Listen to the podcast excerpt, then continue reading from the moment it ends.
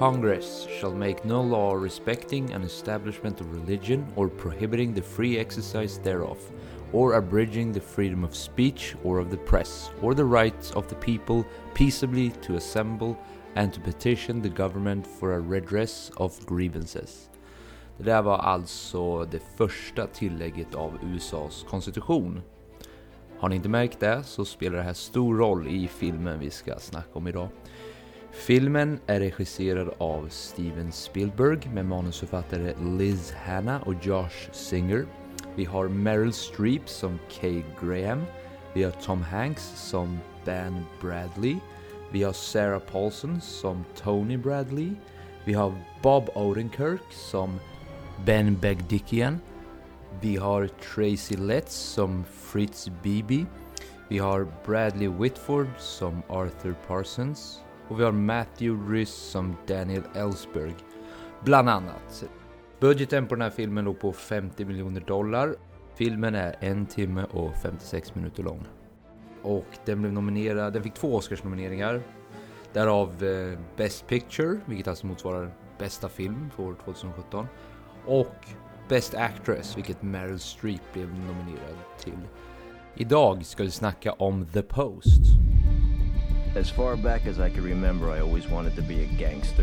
The first rule of Fight Club is you do not talk about Fight Club. Did you eat all this acid? That's right. Music!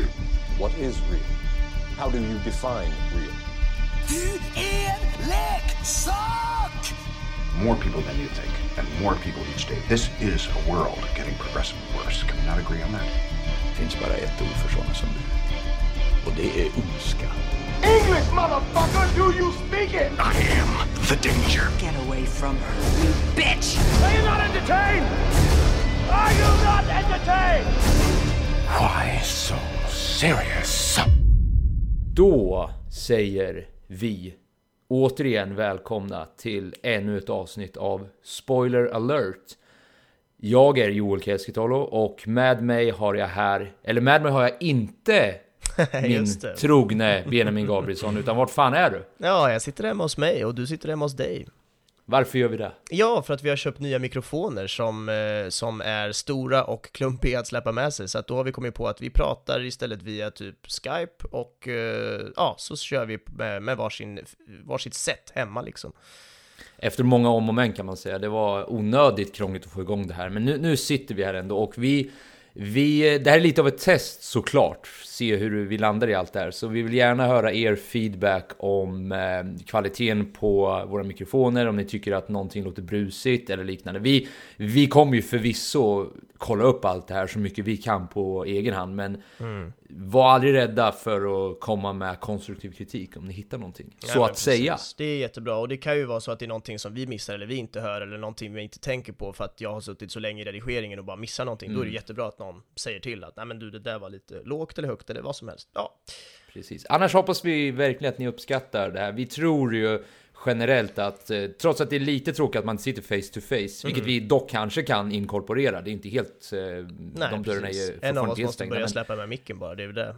ja, precis. Och det blir väl troligtvis jag med tanke på ditt stora stativ och skit du har. Precis. Eh, men vi hoppas ju verkligen att det här ska kunna bidra till en lite högre kvalitet och få det lite mer, ja men man kanske kan säga lite mer seriöst så att säga. Vi, vi vill ju fortfarande behålla vår nära tonen vi har på podden så att säga. Men vi, vi gillar ju det här väldigt mycket så med eller utan podd så är det alltid kul att sitta med högkvalitetsmikrofoner och speciellt i ditt fall, du som ändå håller på, du som är väldigt ljudentusiastisk Ja. så att säga. Nej men precis, och då kan vi väl bara hoppas att de här två nya mikrofonerna, ja det kan bara bli bra helt enkelt, får vi hoppas i alla fall.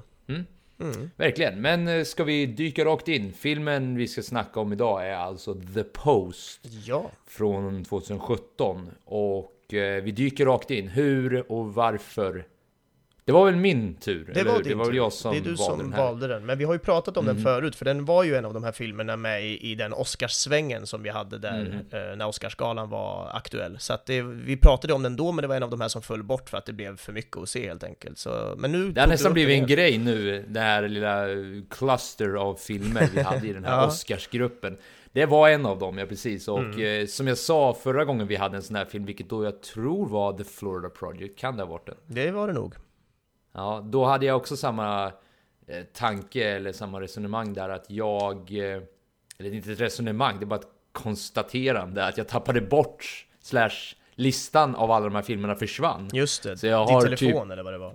Ja, exakt. Min telefon vägrade starta och där hade jag ett textdokument som inte var uppbackat någon annanstans än Aj, till aj, aj. telefonen. Så här briljant move som vanligt. Classic. Jävla idiot man är. eh, och eh, ja, så jag har ju fått återupptäcka de här filmerna nu. Så när, när jag surfade runt, för nu kommer jag till hur den här filmen blev vald. Jag tror bara jag surfade runt i IMDB och sen, eller nej, YouTube tror jag till och med det var. Och sen såg jag här i, ja, någon jävla trailer vet du, med miljontals views och så var det The Post. Det ringde, det ringde någon klocka någonstans som att jag har talas om The Post tidigare. Så jag, jag sket i att kolla trailern för de som har lyssnat, lyssnat på oss tidigare, eller de som bara inte vill bli spoilade innan en film, vet att det inte går att titta på trailers numera. Nej. I de flesta fall i alla fall. Så jag valde att skippa trailern och bara pitcha den rakt av egentligen. Utan att veta mer, alltså det lilla jag hade hört om den innan var att det skulle handla om Washington Post. Just det. Och that's it, mer än så visste jag inte. Nej men det är ju, det var jättekul, för det är ju en film som vi eh, har velat poddat om och sen som du säger, den faller bort från ingenstans och det var ändå nice att du, ja, du råkade få tag på den igen och vi, vi sa vi kör helt enkelt.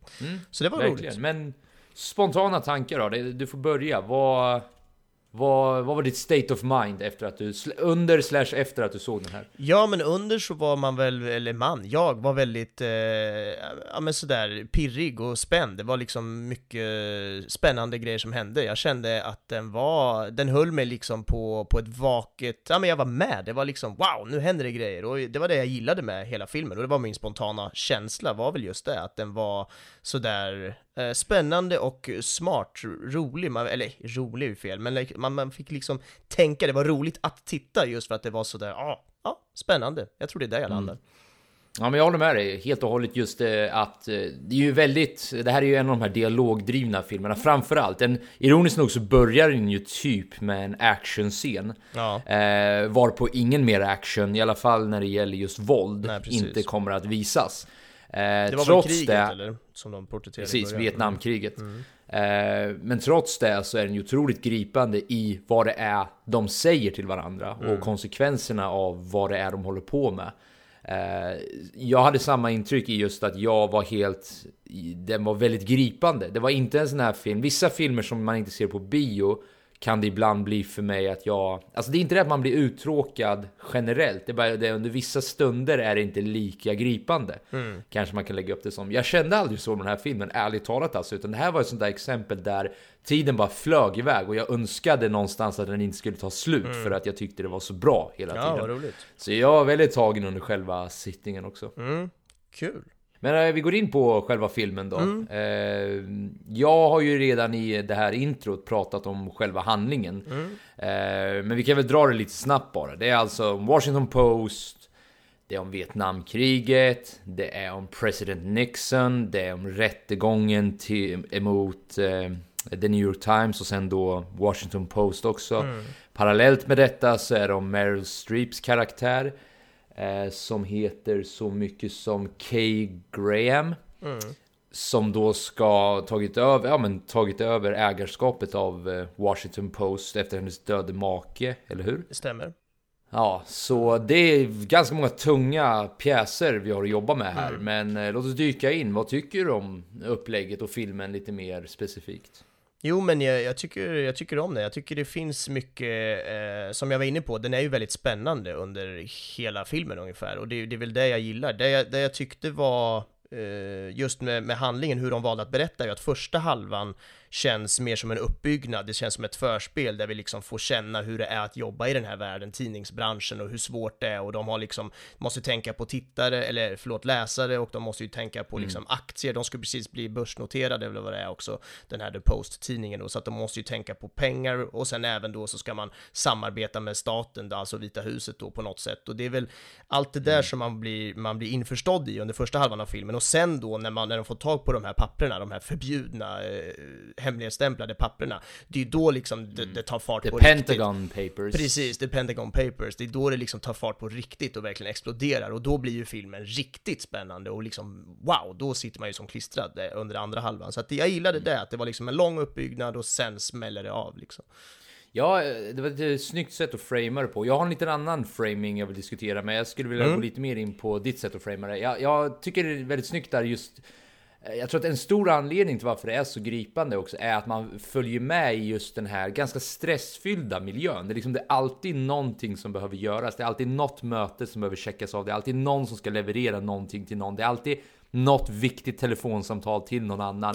Och allt det här gör att man liksom dras med i det här tempot hela tiden. Så även om, som du säger, första delen av filmen är som en sorts uppbyggnad så skulle den uppbyggnaden i en annan film kunna vara vad ska man säga, the end, eh, vad säger man, uppbyggnaden och vad var det du kallade det, den andra fasen, så att säga, den mer intensiva Ja, jag- fasen. Ja, precis. Eh, just för att till och med något sånt. uppbyggnaden och liksom sättet de försöker presentera allting på är i sig Mm. ganska intensivt. Jag menar, vi får ju följa med i början av filmen på det här flyg, eh, när de sitter på flyget och de pratar om att Vietnamkriget är värsta katastrofen och Ja. det i sig sätter ju verkligen tonen till filmen vart, alltså som du sa, uppbyggnadsmässigt.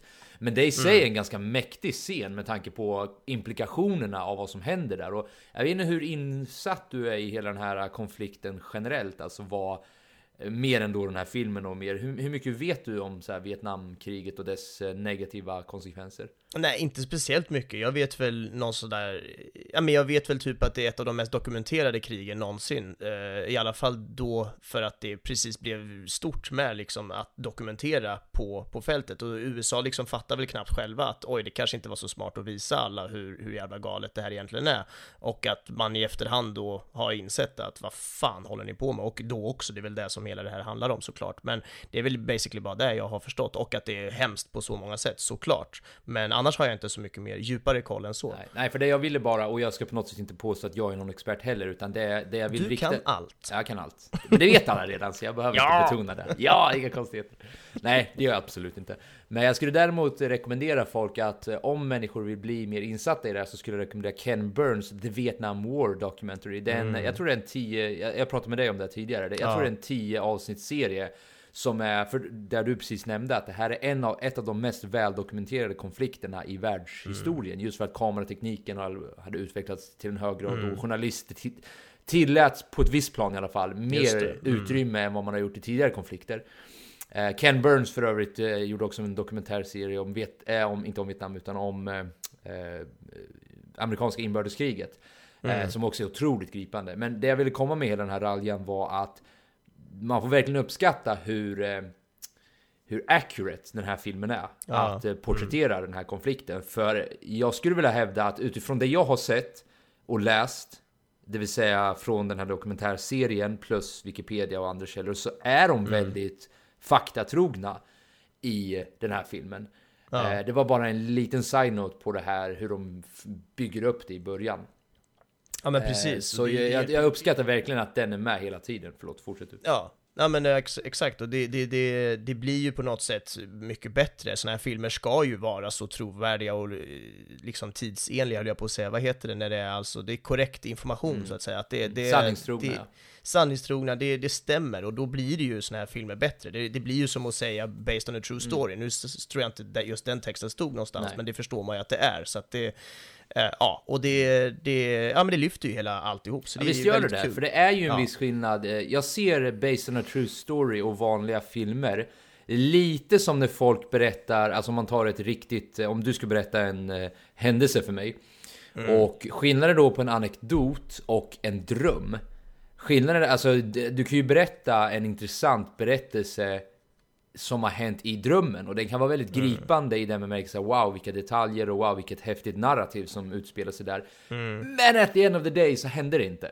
Alltså, och det, på något sätt har ju det ur lite av berättelsens värde. Eller nej, inte själva berättelsen. Alltså berättelsen i sig kan ju ha ett värde. Men när sanningen försvinner ur det, då är den ju tom på ett sätt. Det är lite så jag ibland kan se filmer också. att och jag vill vara försiktig här för jag vill inte riktigt jämföra filmer med drömmar. För drömmar kan också vara extremt tråkiga. Vilket förvisso filmer också kan vara.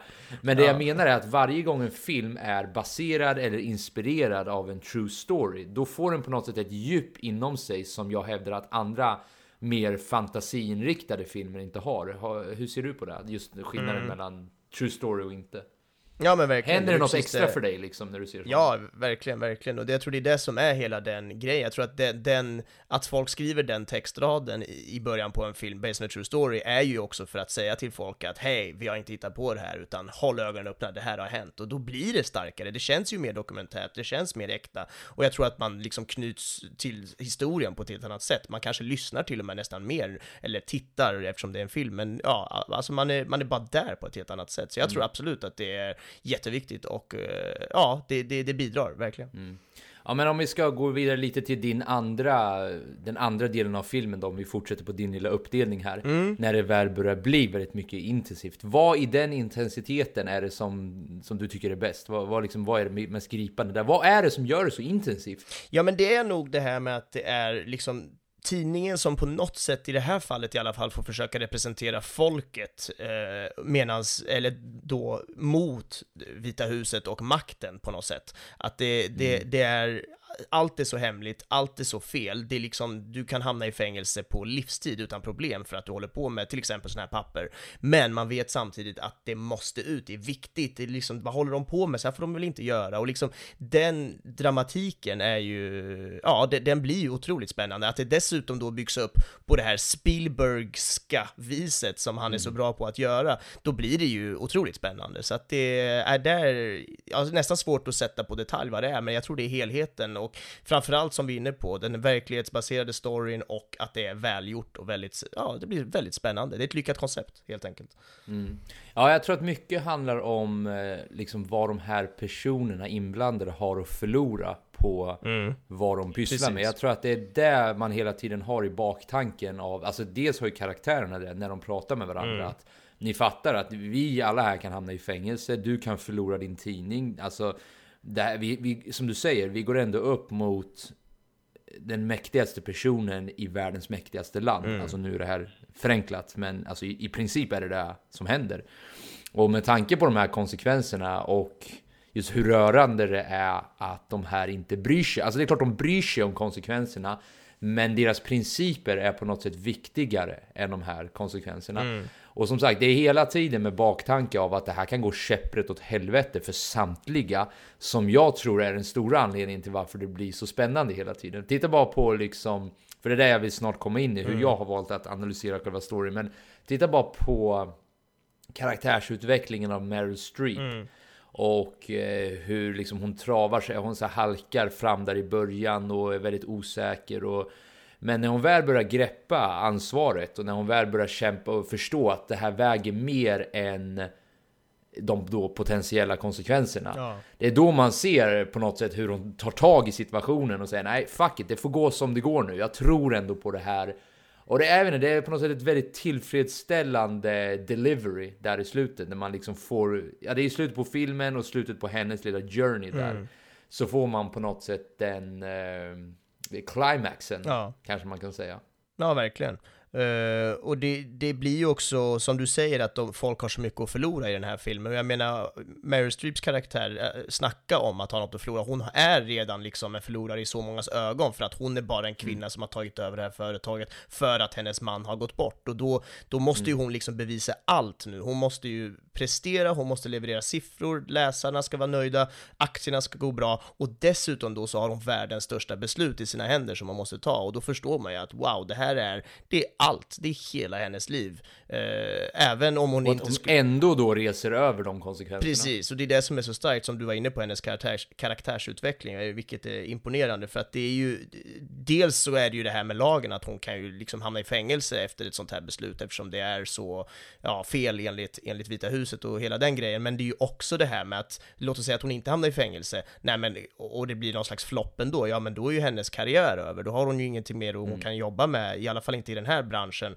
eh, och hennes rykte och så vidare, så att nej men man förstår ju hur, hur, hur mycket det är som står på spel, verkligen. Ja, nu har vi redan pratat väldigt mycket om, eh, eller lite så här detaljmässigt om eh, hur jag har valt att framea den här filmen, Mm. så jag kommer nog förkorta det lite. Men jag ser den här filmen eh, som två parallella narrativ, kanske man kan säga. Okej. Där det ena narrativet handlar om folket versus makten. Mm. Och återigen, väldigt förenklat här nu. Jag hoppas folk förstår varför jag gör de här förenklingarna.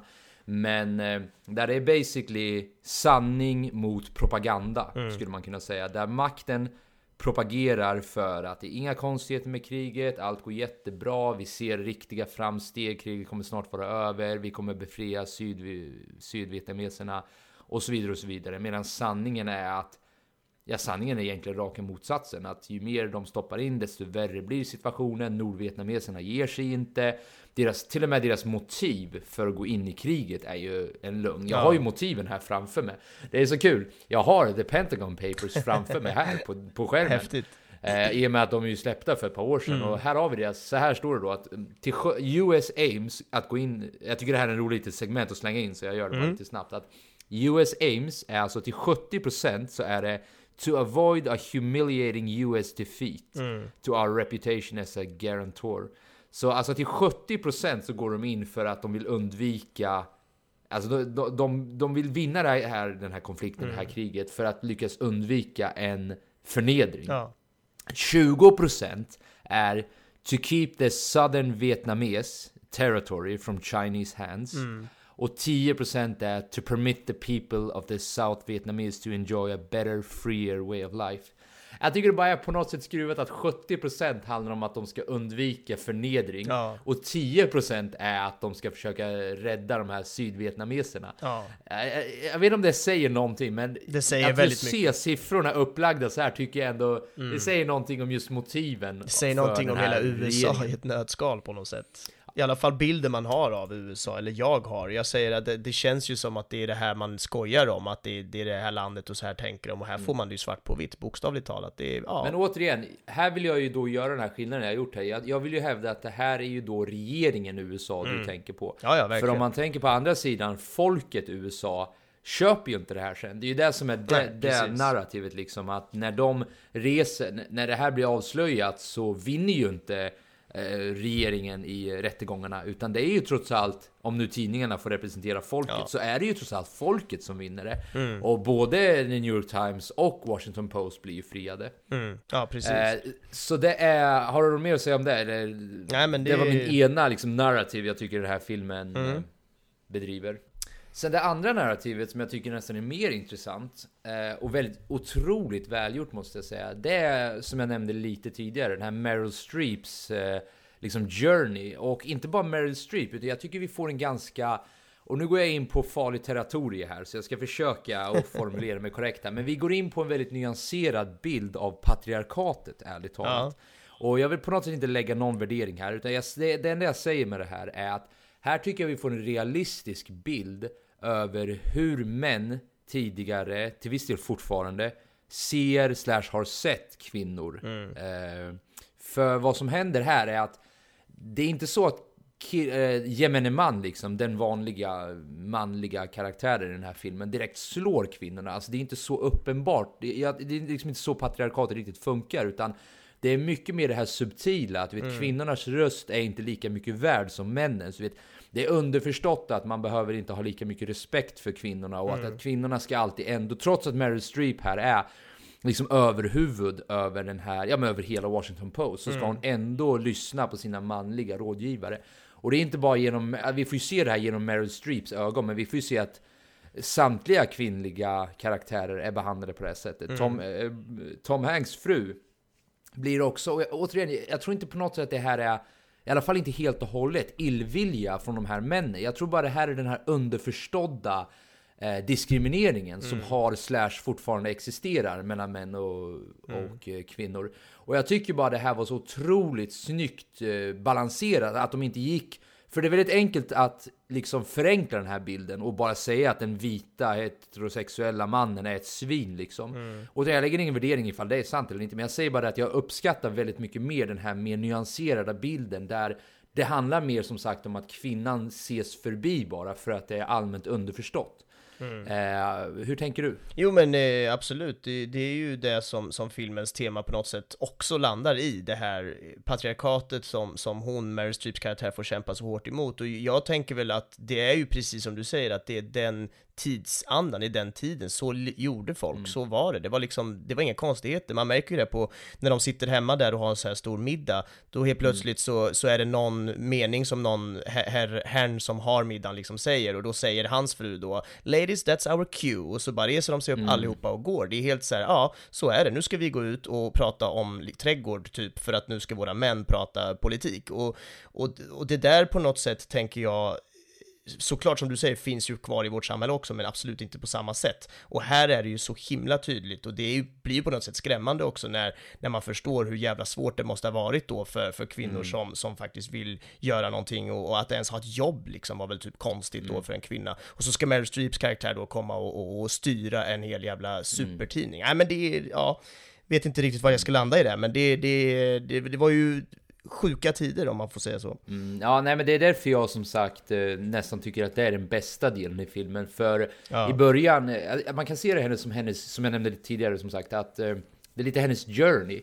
För, alltså så otroligt bra spelat av Meryl Streep. Vi kommer komma in på det mer i det tekniska, men Alltså hur hon darrar på rösten i början och hur hon inte riktigt vågar möta allas ögon och hur hon ursäktar sig när hon ska ta sig förbi andra människor och Andra allt det här, andra män ja framförallt. Eh, och allt det här konkluderar i ett citat som jag tycker är väldigt bra från henne i slutet. Och eh, antingen så kan ju du klippa in det här citatet om du har tillgång till det, men för säkerhets skull så läser jag upp det också ifall det skulle vara svårt. Det hon säger i slutet, det här är alltså då när eh, det, det här är liksom sista checkpointen att hon har här möjligheten att stoppa publiceringen av alla de här hemliga papperna från, som Washington Post har kommit över. Eh, och då, hennes närmsta rådgivare, nästan allihopa, liksom vädjar henne att absolut inte göra det här. Liksom, eh, du kan inte göra, de säger till mig du kan inte göra så här. Alltså att de nästan säger åt henne att göra det inte. Varpå hon svarar And this is no longer my father's company. It's no longer my husband's company. It's my company. And anyone who thinks otherwise probably doesn't belong on my board. Det, och där, det där säger hon utan minsta darrning, säger man så? Alltså hon darrar inte Ja, i rösten nej, överhuvudtaget. Hon säger det med total självsäkerhet, där hon för första gången kanske har verkligen axlat ansvaret och tagit kontrollen över sitt företag och Mm. fattar sina egna beslut. Eh, ja, jag tyckte det var en av de starkaste scenerna i hela filmen, ärligt talat. Och på något sätt fick, var det liksom konklusionen av det narrativet. Ja, ja verkligen. Nej, det var en bra line, bra att du tog upp den. Det är, det är så jag har valt att eh, analysera den här filmen. Känner du dig nöjd eller ska vi gå vidare mot det tekniska? Nej, men jag skulle kunna flika in eh, lite, Mm, absolut. någonting mer. Och eh, jag, jag tänker så här som helhet så, så gillar jag filmen väldigt mycket. Eh, Och det finns mycket i den, speciellt det tekniska som jag gillar. Det är liksom, vi kommer ju såklart in på det, men det är det här Spielberg och Hollywood som, som gör någonting väldigt välgjort och det märks och då, då blir det ofta väldigt bra, i alla fall kvalitetsmässigt. Men så finns det ju den där lilla baksidan med det här Hollywoodiska, vad vi nu vill kalla det, som jag ibland tjatar om i den här podden och det, bear with me, men då är det just det här med att det kanske ibland då blir lite övertydligt och det är lite Spielbergs, eh, det är en nackdel hos honom, han är väldigt Hollywood på det sättet och det blir liksom kladdigt ibland och då tänker jag på några specifika grejer och eh, ja men det är ju till exempel då när, när när tryckpressarna drar igång på allvar där och de ska pressa de här papperna, eh, eller de ska trycka tidningarna för att, för att få ut de här papperna då till folket och då skakar liksom hela byggnaden och han, han sitter där uppe vid sitt skrivbord och det skakar så mycket på hans skrivbord att man tror att det är liksom en jordbävning på gång. Och det är de här då tryckpressarna som går och, och det kan man ju tänka är lite detalj men det är sådana här grejer som jag tycker, ah, måste det skaka så jävla mycket? Liksom så, så, så där mycket kan det ju omöjligt skaka för då går det ju knappt att jobba där. Och en annan sån grej då är det här när de står och läser tidningarna ute på, de har sprungit ut tidigt på morgonen för att köpa tre tidningar, de, de här gubbarna, Tom Hanks och hans två kompanjoner, jag kommer inte ihåg vad de heter. Eh, då står de där och läser tidningar, så börjar det blåsa och så bara fladdrar tidningar iväg och så står de liksom kvar och läser. Då, då betyder det att sidorna som de stod och läste är inte, ni läser inte ens för att tidningen blåste precis iväg och du reagerade inte på det. Det är såna här detaljer som bara är gjorda för att det ska vara snyggt och att det ska liksom spela på, haha, kolla hur mycket de läser, kolla hur mycket det blåser, kolla hur mycket det skakar på bordet för att tryckpressen är igång. Och då, det här är liksom motsatsen till realismen som vi ofta pratar Du, om. du blir inte liksom- övertygad med andra jag blir inte övertygad, tvärtom. Jag tas ju ur stunden för att jag känner att nu blev det löjligt. Vad håller ni på med? Så där mycket kan det inte skaka, så där mycket, ja. Och ett tydligt exempel på det i, i för att knyta an då till det här vi pratade om, feministiska eh, aspekten av filmen, vilket jag tycker är briljant. Eller det är, briljant är ett starkt ord som jag ofta överanvänder, men det, det är väldigt bra hur de tar upp eh, all den eh, feminist, feminismen och hur, hur svårt det har varit för kvinnor. Men då tycker jag också att det nästan blir övertydligt då mot slutet när de kommer ut från salen, eh, Meryl Streeps karaktär, och går liksom ut där på någon trapp och så står det liksom unga damer och kvinnor som, som tittar på henne med stora ögon, det är liksom lite slow motion, och de står och antecknar och de står och pekar och det är så här, we get it, hon är en symbol för kvinnor, men där är det så här, vi ska ha liksom en 20 sekunders tagning på närbilder på folk som bara pekar och bara, där är hon. Äh, det är många sådana där mindre grejer som tillsammans får det att känna, okej nu är vi i Hollywood, här har vi det, det är tydligt, det är kladdigt, och jag antar att det är väl det där som, som får sådana här filmer att gå bra, för det gör att alla förstår. Ah, ingen missar ju de här budskapen som de vill, som de vill ta fram, och, och det gör ju att, att många kan förstå filmen. Men Det för blir en mig bredare istället- målgrupp liksom. Ja, precis. Det blir en bredare målgrupp och det är väl det jag kan tycka är synd. Eh, såklart är det rimligt för att de vill dra in mycket pengar till en sån här film, men jag tycker också att det blir, för, för mig då så tycker jag istället att det blir övertydligt och kladdigt och då tappar de, de, tappar ju inte mig för jag tittar ju ändå på filmen, men jag, jag tycker ändå det drar ner filmens liksom rating för mig. Det, det gör att den blir lite sämre. Och det är väl någonting med Hollywood och det är framförallt någonting med Spielberg. Han är ju en väldigt sån, sådär, ja, det, det blir väldigt E.T. helt plötsligt. Allt blir bara liksom, woho! Ja. Så det var väl lite sån kritik om jag ändå ska hålla på med det också. Ja, men jag förstår vad du menar. Det är ungefär som att eh, det fanns en poäng, eller det fanns en, eh, ett tillfälle i de här olika scenerna där man hade kunnat stannat. Och eh, Ja. lite det här konceptet med show don't tell. Ja. Alltså att man behöver inte ibland få saker nedtryckta i sin hals för att man ska förstå budskapet. Alltså ibland Alltså ni får ibland kanske lita på att eran audience är smartare än vad ni just nu kanske ger credit för. Ni, eh, vi, vi förstår liksom vad det är för lektion vi försöker lära oss här. Ni, ni behöver inte enforca det till den graden liksom. Det, det kan jag faktiskt hålla med dig om. Det, jag hade inte själv tänkt på det coming into this när vi skulle snacka om det. Men jag tycker Nej. det var en eh, intressant observation. För Ja. medan du pratade om det kunde jag faktiskt tänka efter fler scener där det här händer. Så Mm. Den är inte helt obefogad. Men jag, jag, jag, lutar ju också vid det du lutar dig åt. Att han gör nog mycket av det här för den just bredare publiken. Och jag tror att vi, framförallt du, är ju väldigt störd Punkt. Nej jag skojar. Nej men du är ju absolut. väldigt störd för du gillar ju, du är ju väldigt det är ju inte det att du inte gillar många filmer, för det gör du ju, men du är ju också väldigt nischad till en kategori där du får ja, men den bästa versionen av, nu pratar jag visserligen för dig här så du får rätta mig om jag har fel, men där, där du får den bästa versionen av vad film kan förmedla. Är det en rättvis karaktärisering? Jo men absolut, och det, och det är väl just det här med att show don't tell som du är inne på, att de, de, de kan ju ändå berätta det här, Mm. bara det att skruva ner allting några notches liksom. Det, det behöver inte vara så himla Mm. kryddat, det behöver inte vara så övertydligt, för vi kan förstå det här ändå. Och det kanske till och med finns andra sätt man kan få det att, äh, få oss, publiken att förstå, bara det att man gör det liksom mer subtilt och på ett annat sätt. Men jag förstår ju också att det här är en sån film, det är Spielberg, det är Hollywood, det är liksom, det, det, då blir det så här. Så att jag, jag ska egentligen inte klaga på det så, men om jag ändå ska klaga, vilket jag gör, så gör jag det. Jag förstår. Ja. Eh, har du något mer eller ska vi röra oss vidare nu mot det tekniska? Nej, men vi kan gå vidare.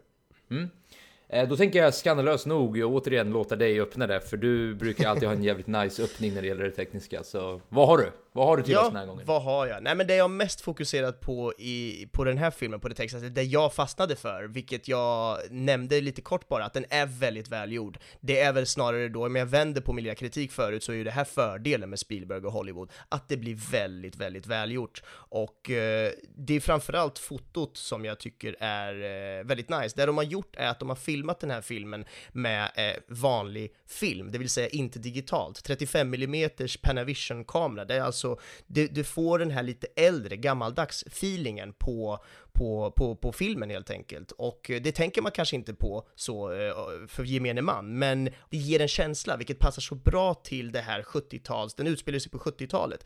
Så att få den här äldre känslan, äldre touchen på den utan att behöva göra något konstigt annars, det är smart, jag gillar det. De går liksom tillbaka teknikmässigt, filmar med en äldre kamera, eller i alla fall äldre teknik, för att fånga den äldre känslan som man fick, fick eh, på 70-talet till exempel. Så att det tycker jag är väldigt smart move av dem eh, att göra.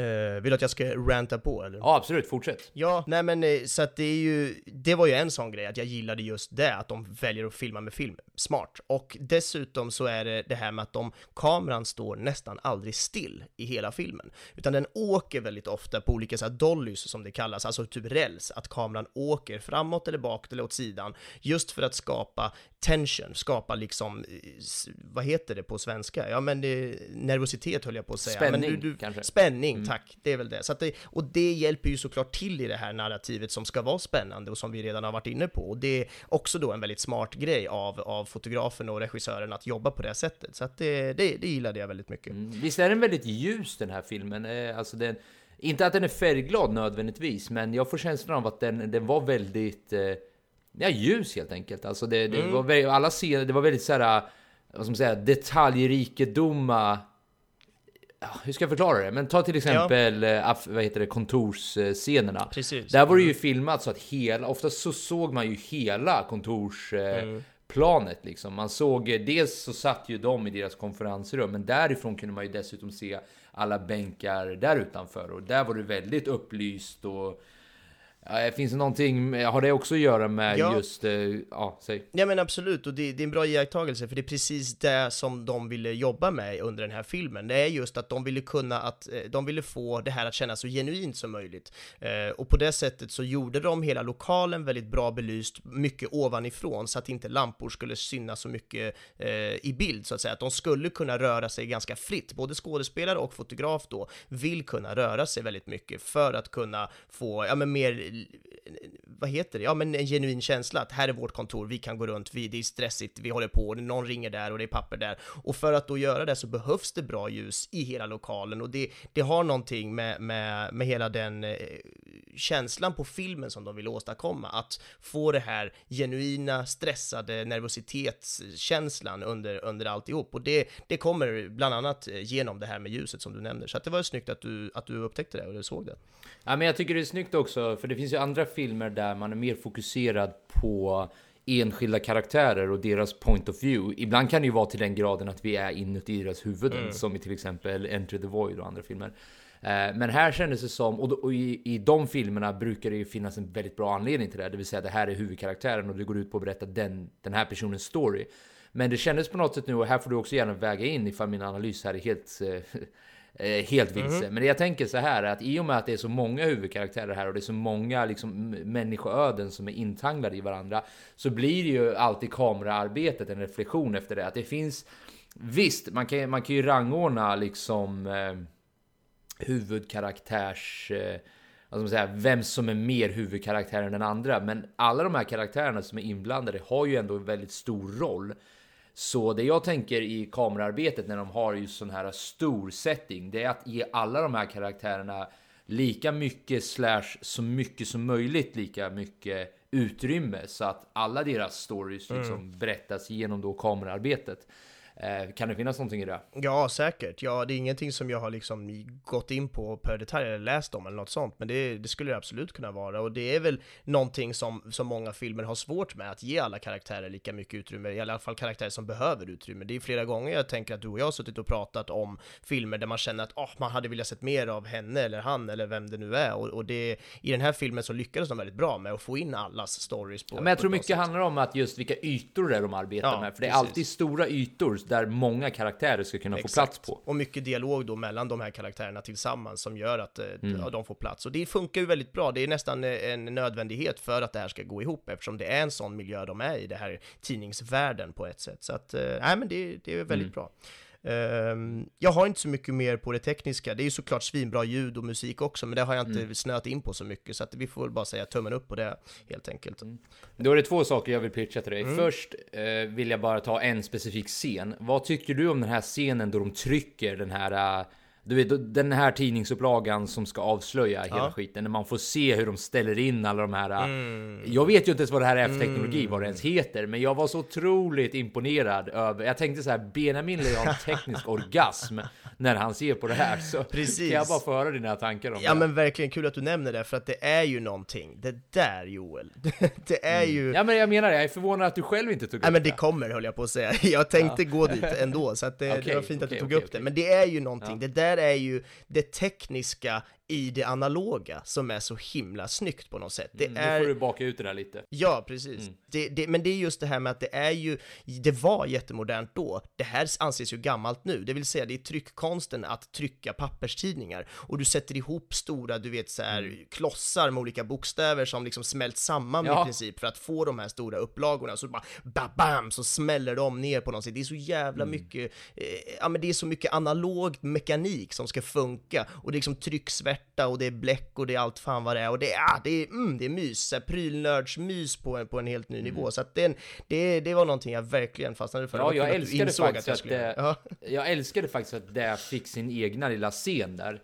Eh, för det kändes Mm. så givet på något sätt att eh, det är klart att den där delen också måste vara med. Det här är ju trots allt Alltså det där är ju den viktigaste delen egentligen Ja. i hela det här projektet. Nog för att allt det där, alltså du vet, det är jätteviktigt att de här dokumenten blir läckta. Det är jätteviktigt att du vet, rätt källor är på rätt plats. Det är jätteviktigt att vi får att beslutsfattarna tackar eller säger ja till det här, bla bla bla bla bla. Mm. Men om inte skiten sen kan landa på papper, som Mm. då var det enda mm, liksom eh, sättet att förmedla nyheter på, det, på den tiden. Mm. Då har ju inget av det här spelat någon roll. Så i grund och botten så är alla fortfarande gisslan till den här stora jävla apparaten. Det var ungefär som att den såg ju ner på resten av filmen och bara ja, ja, ja, ja, ja, ja. bråka Ja. på ni. Det är ändå jag som har den slutgiltiga domen över er. Jag tyckte det, var, det, det tycker jag var så perfekt att den just, alltså nu, jag, jag gör ju obviously en humoristisk spin på det här, det är ju liksom, det är ju inte så det funkar riktigt, men det var så jag såg det när jag tittade på det, att Ja, it ja. all comes down to this i slutändan, att skulle det här fucka upp, då har ju inget av det ni har gjort spelat någon roll. Alltså men visst, precis. man kanske kan hitta en annan, men du förstår vad jag menar. Ja, ja, men det är ju Signifikansen av den här grejen. Liksom. Ja, allt hänger ju på det där och det hänger också på så många personer. Jag satt och tänkte på det när de sitter och liksom så här, vi har en minut till tryck, vi måste skriva klart och liksom de sitter och slår på en sån här gammal skrivmaskin och man bara, "Ah, vad händer om han trycker fel där? Du vet att då, det finns ingen kontroll Z, det finns ingen delete, utan då måste du göra om hela det här pappret för att det blir fel. Och jag tänker, nu tog de ju inte med något sånt, det var ingen som skrev fel, alla skriver perfekt, men det, det är bara sådana sjuka grejer att allt måste ske så perfekt för att det är det här analoga där det måste vara in i minsta detalj perfekt, annars går det liksom inte. Och att det också är liksom en sista person som har som jobb att ja, du måste nu sätta ihop en, en framsida av allt det här. Du har en halvtimme liksom, gör det nu och så bara står han och tittar på honom då i princip när han ska pussla ihop de här bitarna och det är liksom årets, eller kanske historiens viktigaste upplaga man, någonsin. arguably kan man säga att det är ett av de viktigaste. ja. Så att det är så här, den pressen. bara, No okej. pressure. Ja, det är helt sjukt. Så att nej, det var väldigt eh, nice, hela den tidningsvärlden, att få komma in i den. För det är ju någonting som vi inte porträtterar lika ofta längre på, på film, eftersom vi är inne i en så digital era nu för tiden. Mm. Men det var, ja, det var härligt att vara i den mys, eh, mystryckrummet.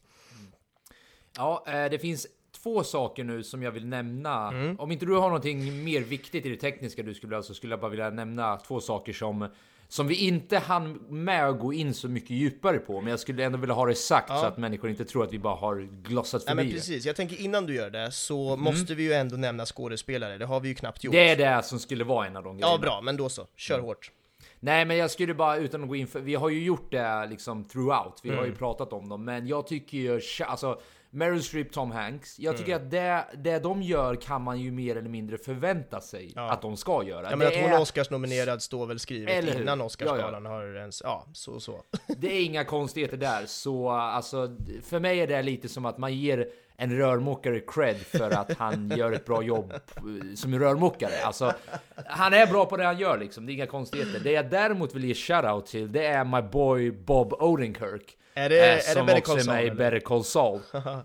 Jag tycker ju det är kul för jag har ju följt han nu i Better Call Saul och det jag gillar där väldigt mycket är ju hans eh, eh, inom citationstecken nu realistiska porträtterande av en medelålders eh, man som försöker liksom, jag ska inte spara för mycket av Better Call Saul nu, men hans karaktärsutveckling i den kontexten liksom. Och det jag tycker han gör väldigt bra, det är att han spelar en regular dude liksom.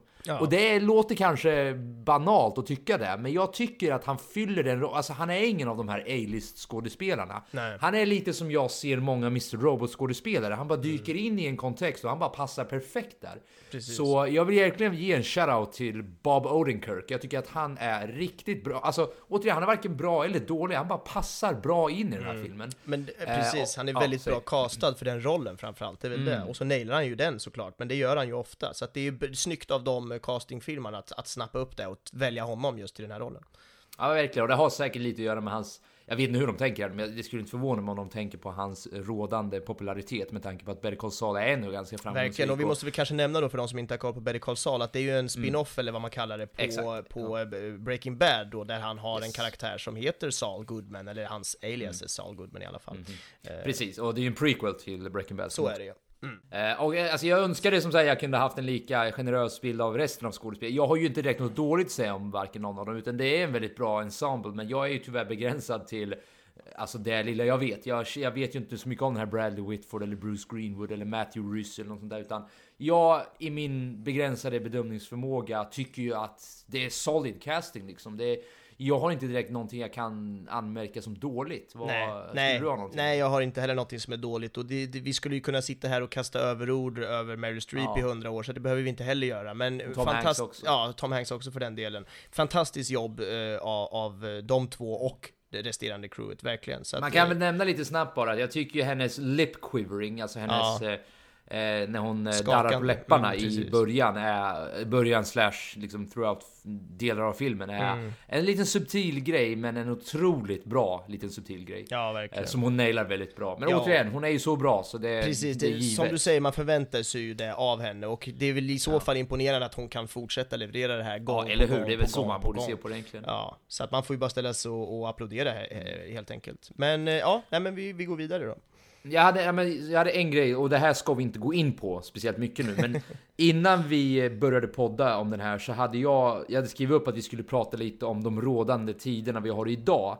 Eh, Just med fake news och hur Ja. det är liksom en mm. sorts mediakris med alternativa källor och vad är sanning och vad är inte sanning. Den delen kommer vi tyvärr att få hoppa över med tanke på hur mycket annat vi har sagt om det. Men jag vill bara ha det sagt att det finns en anledning till varför, och jag kommer komma in på det här mer i vår eh, trivia sen i slutet. Ja. Men det finns en anledning till varför eh, Steven Spielberg ville pusha ut den här filmen så fort som möjligt. Det hade just att göra med de rådande tiderna vi lever i. Just att vad är media just nu och har det bara blivit en popularitetsshow och en business eller försöker de fortfarande rapportera sanningen? Och det den här filmen visar, om jag nu ändå ska summera upp det lite kort, är väl att det fanns en gång i tiden och om det till viss del fortfarande är så, eller om det rakt av fortfarande är så, det är ju det som är frågetecknet här. Då media faktiskt verkligen strävade efter att rapportera sanningen för folket.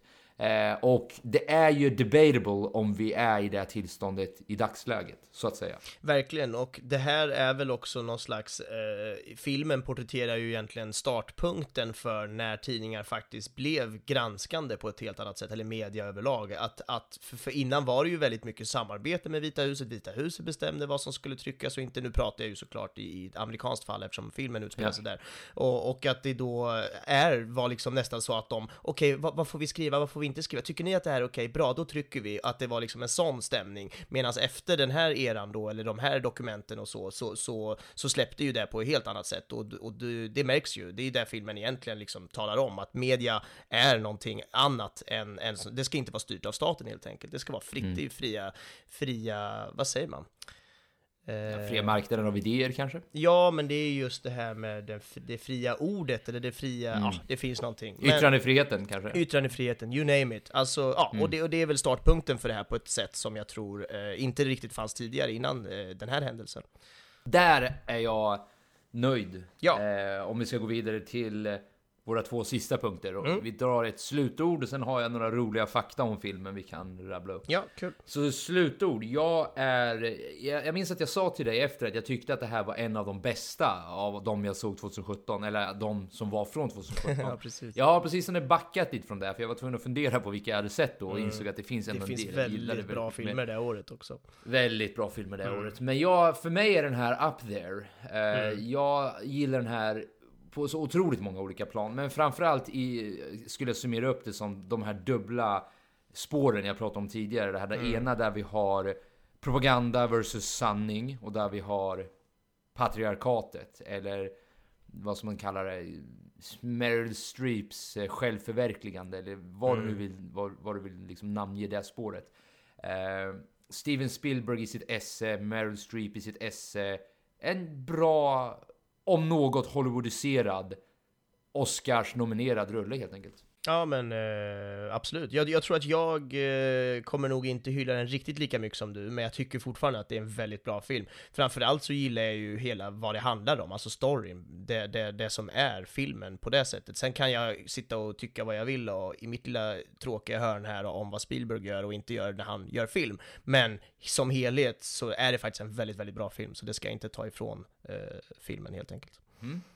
Eh, favoritscen då? Jag landar direkt utan tvekan, ärligt talat. Just den där scenen när de ska trycka tidningarna. Jag Men sluta, det är min också. jag visste att det var din. Det var därför jag tog den först. Ja, det var därför du bara sa det innan ens jag skojar. andas. Nej men alltså det är ju, det är ju kul att jag, jag misstänkte också att du skulle landa. Alltså för mig var ju nomineringen det här citatet som jag läste upp från eh, Meryl Ja. Streep när hon liksom, eh, ja hon blir självförverkligad, hon tar kontrollen över sitt företag och allt det där.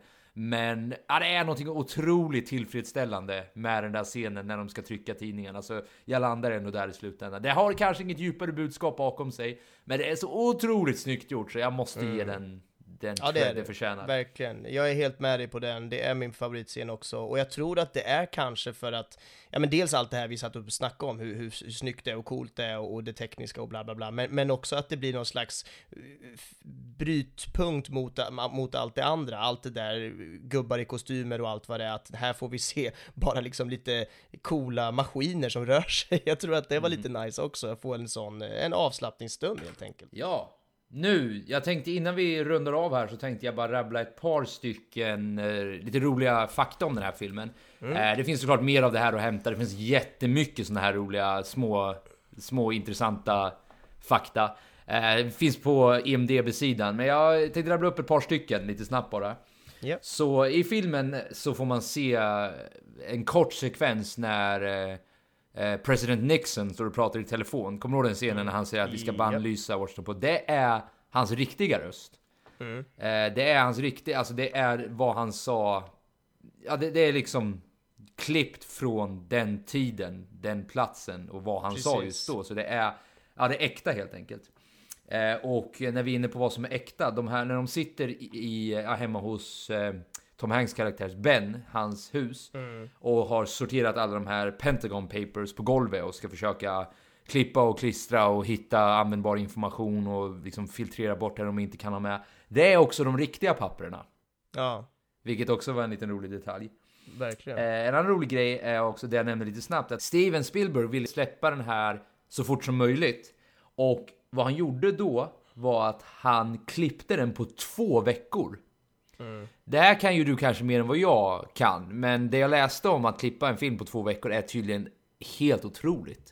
Ja, det är helt Det är sjukt. Och vi- otroligt snabbt Vi gjort. ska ju ganska snabbt vara, vara noga med att säga att det är ju absolut inte han som har suttit Nej, nej, nej, nej, absolut. veckor. Jag, jag säger Men- inte att han sitter hemma i sitt vardagsrum och... Nej precis, men det är lätt att man tror det, för det, Ja, okej, det skulle absolut, man ju kunna absolut. Mm, tro om en sån galning som han är. Men de är ju såklart team på massa människor som sitter, men det är sjukt imponerande. Hela inspelningsperioden, från vi börjar spela in tills den är klar, alltså final cut-versionen, var nio månader. Nio månader i filmvärlden är ingenting. Och jag sitter samtidigt och säger att den är välgjord och liksom att det, det, det, det känns verkligen inte som något slarv. Så att då får man ju säga wow, gud vad bra jobbat. Och det som du är inne på, nu snor jag lite din grej här, Absolut, men det är ju absolut.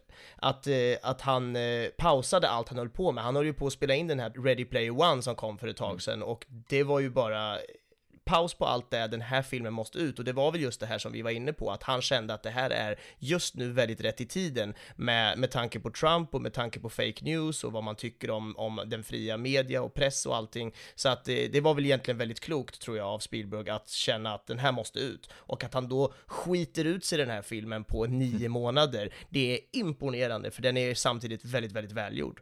Mm. Ja. En annan punkt var också att Ja. Meryl Streep, som tydligen inte har jobbat med Steven Spielberg tidigare, hon var helt oförberedd på att han tydligen inte övar något med skådespelarna.